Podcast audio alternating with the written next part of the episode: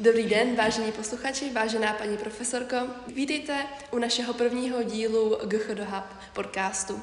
Jsme moc rádi, že jste se rozhodli nás poslouchat a dnešním hostem je naše paní profesorka Jolana Holíková, která je třídní paní profesorkou 6. je. Vítejte. Děkuji, dobrý den. Jsme moc rádi, že jste přišla, tak jsme si pro vás dneska připravili pár otázek. Nejprve bychom se vás rádi zeptali, jaký předmět vlastně učíte. Učím český jazyk, literaturu a základy společenských věd, ale na tento předmět se mi moc nedostává skrze samé hodiny češtiny, čili občas se nějaká volná hodina naskytne a ráda bych učila i společenské vědy o něco více. Dobře, děkujeme a ještě bychom teda chtěli něco od vás vědět naprosto od začátku, jestli se s tím teda v pořádku. Mnozí z nás ví, že jste na GCHD už delší dobu, a tak jak jste tuto školu vůbec našla? Já jsem při vysoké škole pracovala různě brigádně v různých firmách. No a když byly povodně, první povodně, tak uh, jsem našla v novinách, vlastně můj otec našel v novinách inzerát, kde bylo napsáno, že prestižní gymnázium na Praze 5 hledá učitele českého jazyka a občanské výchovy a mě vlastně chyběl rok do ukončení studia, respektive diplomová práce a e, státní zkouška. Tak jsem si říkala, že e, zabiju dvě mouchy jednou ranou a že se budu připravovat, zároveň učit. Ovšem jsem nevěděla ještě do čeho jdu. Takže jsem odpověděla na inzerát, přičemž mi bývalý ředitel odpo- přišel dolů otevřít v teplákové soupravě, tak jsem si myslela, že to je školník. Nesla jsem e, portfolio tady přes most, který byl zavřený kvůli povodním a pohovor se mnou dělala bývalá zástupkyně Načež jsem zjistila, že ten, kdo mi otvíral, nebyl školník, ale pan ředitel a víceméně jsem zůstala. Takže je to hodně, hodně dlouho, s přestávkami čtyř let, je to 20 let. Když jste teda u toho začátku, přemýšleli jste taky někdy o tom, že odejdete? Každou chvíli. První tři měsíce jsem zneužívala situace zkušební doba. Dostala jsem třídy, které opravdu byly životní zkouškou a každý večer jsem volala rodičům, že už končím a že to nikdy dělat nebudu. A moji rodiče, tak počkej ještě chvíli, to přejde. No a nakonec jsem prošvihla zkušební dobu a už jsem nemohla nic dělat a nějak eh, za půl roku se to zlomilo. A pak, už, eh, pak jsem měla ještě záchvěvy třeba v loni, že odejdu zcela mimo školství už a nebo občas, když toho je moc, tak říkám, jdu do kavárny. Už nechci, už bych chtěla mít čistou hlavu. Vzpomínáte ráda na svoji první třídu? Moc ráda. Byla to totiž taková obyčejná normální třída se skvělou učitelkou, co člověk v první třídě potřebuje. Skvělou paní učitelku, zcela normální kolektiv. Byla to obyčejná třída v Ostravě a tam se mi právě líbilo, že um, to byla taková jako skladba všech různých dětí a že jsme se všichni rozuměli. Takže vaše první škola nebyla tady, ale v Ostravě? Moje první třída byla v Ostravě, až do osmé třídy. Jak vlastně vidíte ty rozdíly tady a v Ostravě? No, já se tam často vracím do Ostravy, můžu to porovnávat, mm-hmm. ale první třída, řekla bych, že to je region až do posud razovitý, že ty charaktery a temperamenty jsou tam jiné než v Praze. A když jsem nastoupila tady, tak přece jenom je trošku, zaprvé byla první třída a gymnázium, v tom je rozdíl, ale vztahy byly zcela jiné. Tam si myslím, že je to stále víc upřímnější a opravdovější. No, tady přece jenom jsme šli občas s některými studenty na dřeň, eh, než jsme pochopili, kdo teda jakou moc drží. Tak když jsme teda u vašich ještě studentských let, tak bych se vás, vás ještě chtěla zeptat, jaká si myslíte, že jste byla studentka? Od první do osmé třídy jsem těžila ze své paměti, tudíž první třída, pravda, když si vzpomenu, tak mě moje máma velmi dusila na psaní. I mě trochu byla. Ta písanka musela být nejhezčí a evidentně byla velmi spokojená, když v hale školy byly moje sešity vystaveny. A pak už nějak jsem těžila z paměti, že jsem stačilo mi odposlouchat, kromě matematiky, co se, co se dělo ve škole.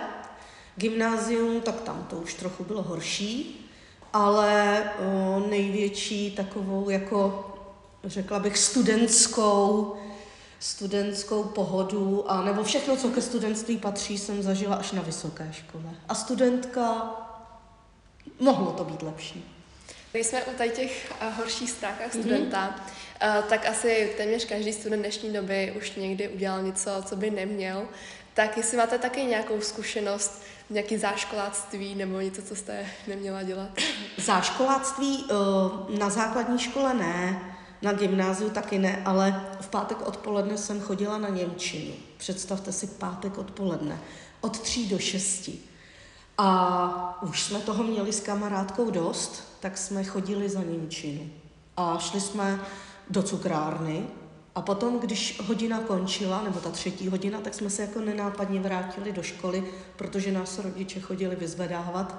Problém nastal, když nás viděli ti, co skončili hodinu. Že jo? Tak to bylo záškoláctví. No a potom spíš na vysoké škole jsem mm, víc užívala života, tudíž některá zkouška nevyšla a prodloužilo mi to asi půl roku studia, tak to bylo, to jako bylo doma hodně halo. A kdybyste se zpětně viděla ve vašem studentském věku, doporučila byste sama sobě něco, co byste změnila? Jazyky. Asi bych víc tomu věnovala. Možná je to tím záškoláctvím, ale já jsem měla Němčinu na gymnáziu, k tomu angličtinu, ty základy jako mám a tenkrát to teprve začínalo. Určitě jsme neměli takové možnosti a to minimum, co jsem měla, jsem dostatečně nevyužila a vytvořila jsem si k tomu takovou jako trochu negativní vazbu. Takže teď lámu angličtinu s němčinou dohromady, do toho česká slova. Pravda je, že se domluvím, ale trochu mě to mrzí. A mrzí mě, že jsem někam neodjela. Eh, říkám, že ty šance nebyly takové, ale že třeba jsem studijně toho nevyužila. A ještě mě mrzí, že jsem nešla studovat farmacii. To mě hodně mrzí. Já bych totiž chtěla mít lékárnu. Nebo jsem chtěla mít lékárnu. A to nás vede i naší další otázce. A proč jste se zrovna rozhodla pro český jazyk a občanskou výchovu? Mm, já jsem měla představu, nebo můj otec měl představu, pardon, že budu dětská doktorka.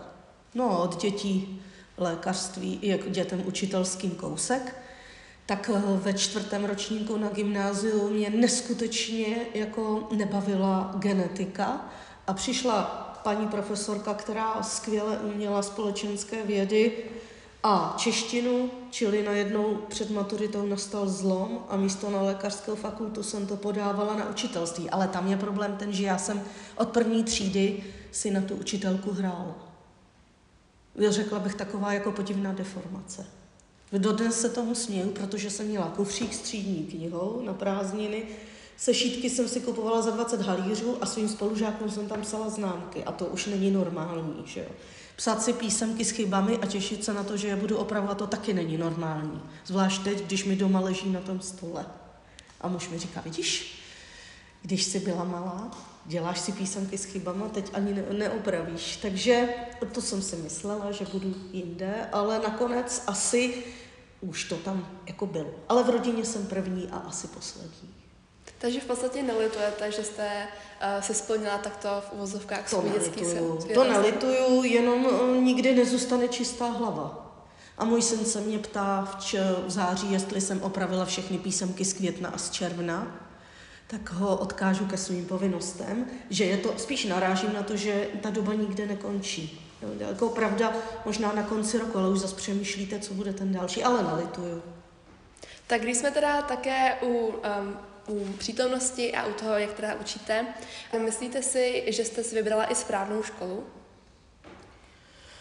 Já si myslím, že tak jako fatalisticky ano. Já nemám ráda poutě po pražských školách, protože je to v podstatě ten systém školství nebo nastavení je stejný.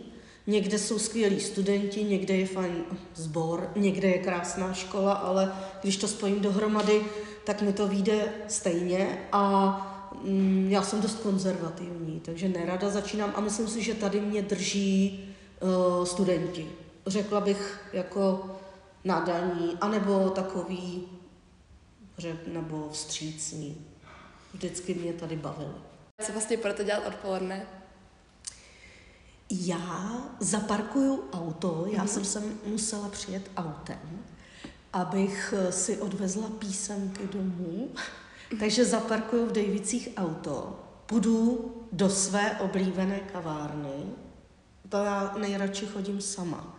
Já nerada si v kavárně povídám, já se ráda rozhlížím, takže půjdu, vyzvednu poslední dárek na poště a budu pomalu balit, protože budeme odjíždět na chalupu na druhý konec republiky. Ale jak znám svého syna, tak určitě je tam záškodnická činnost, tak odjedeme až zítra. Co vaš, uh, vaši kolegové, váš učitelský sbor uh, vyhovuje vám?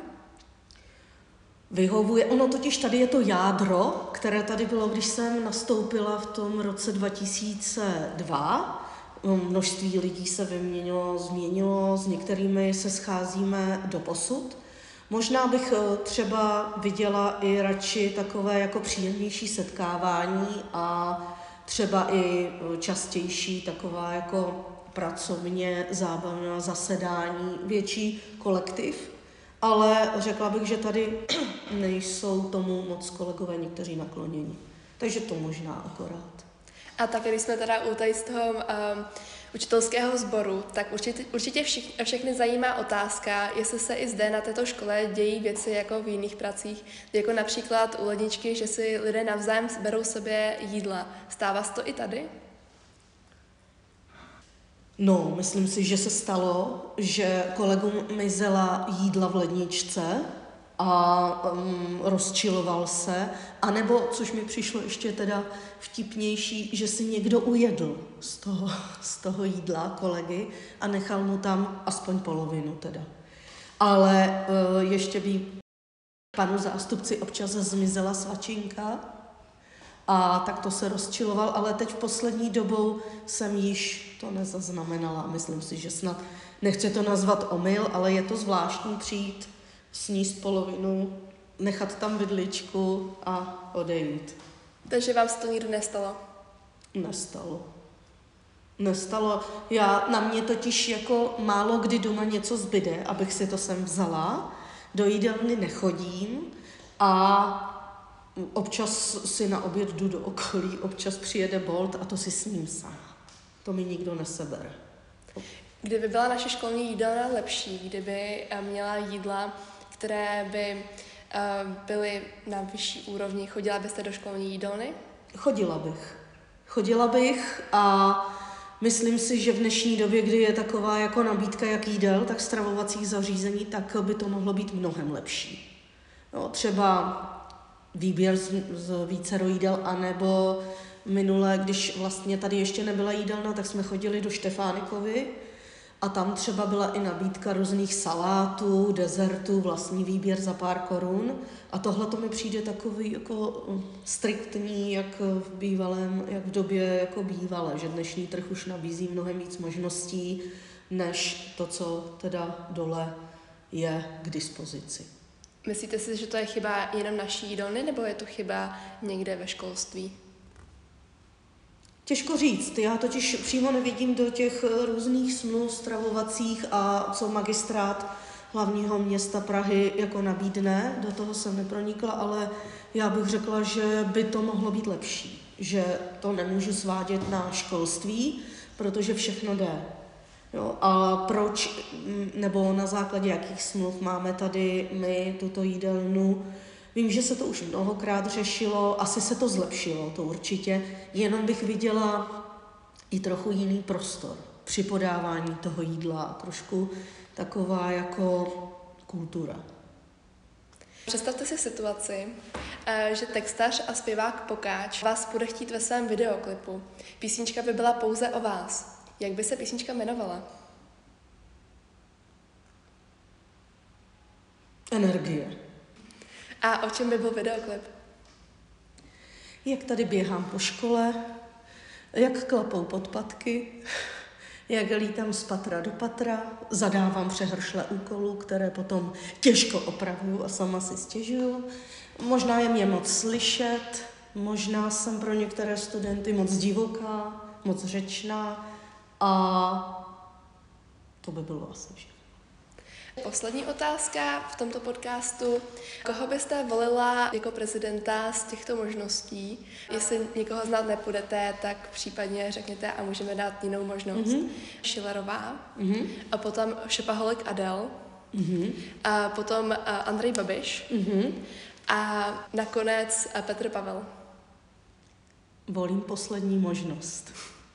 Petra Pavla. Ani ne z důvodu, že by mě zaujal jako nějakým vzhledem. Občas ho poslouchám, zatím si dělám takovou jako předběžnou statistiku a poslouchám. Někdo mě překvapil, někdo mě zklamal, ale řekla bych, že nastal by duel, kde by byl někdo a Petr Pavel, tak by mi nevadilo ho volit.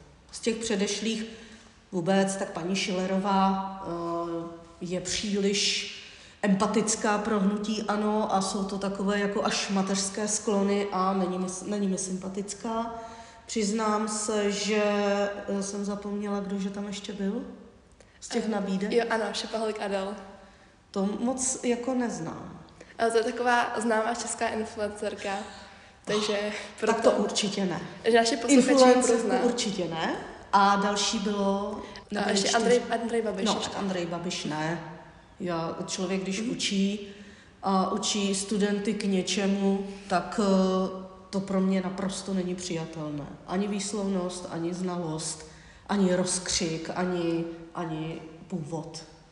To byl náš rozhovor s paní profesorkou Holíkovou. Moc děkujeme, že jste eh, k nám přišla. A tak my se už na vás budeme těšit u další epizody. Tak naslyšenou. Naslyšenou a děkuji za pozvání.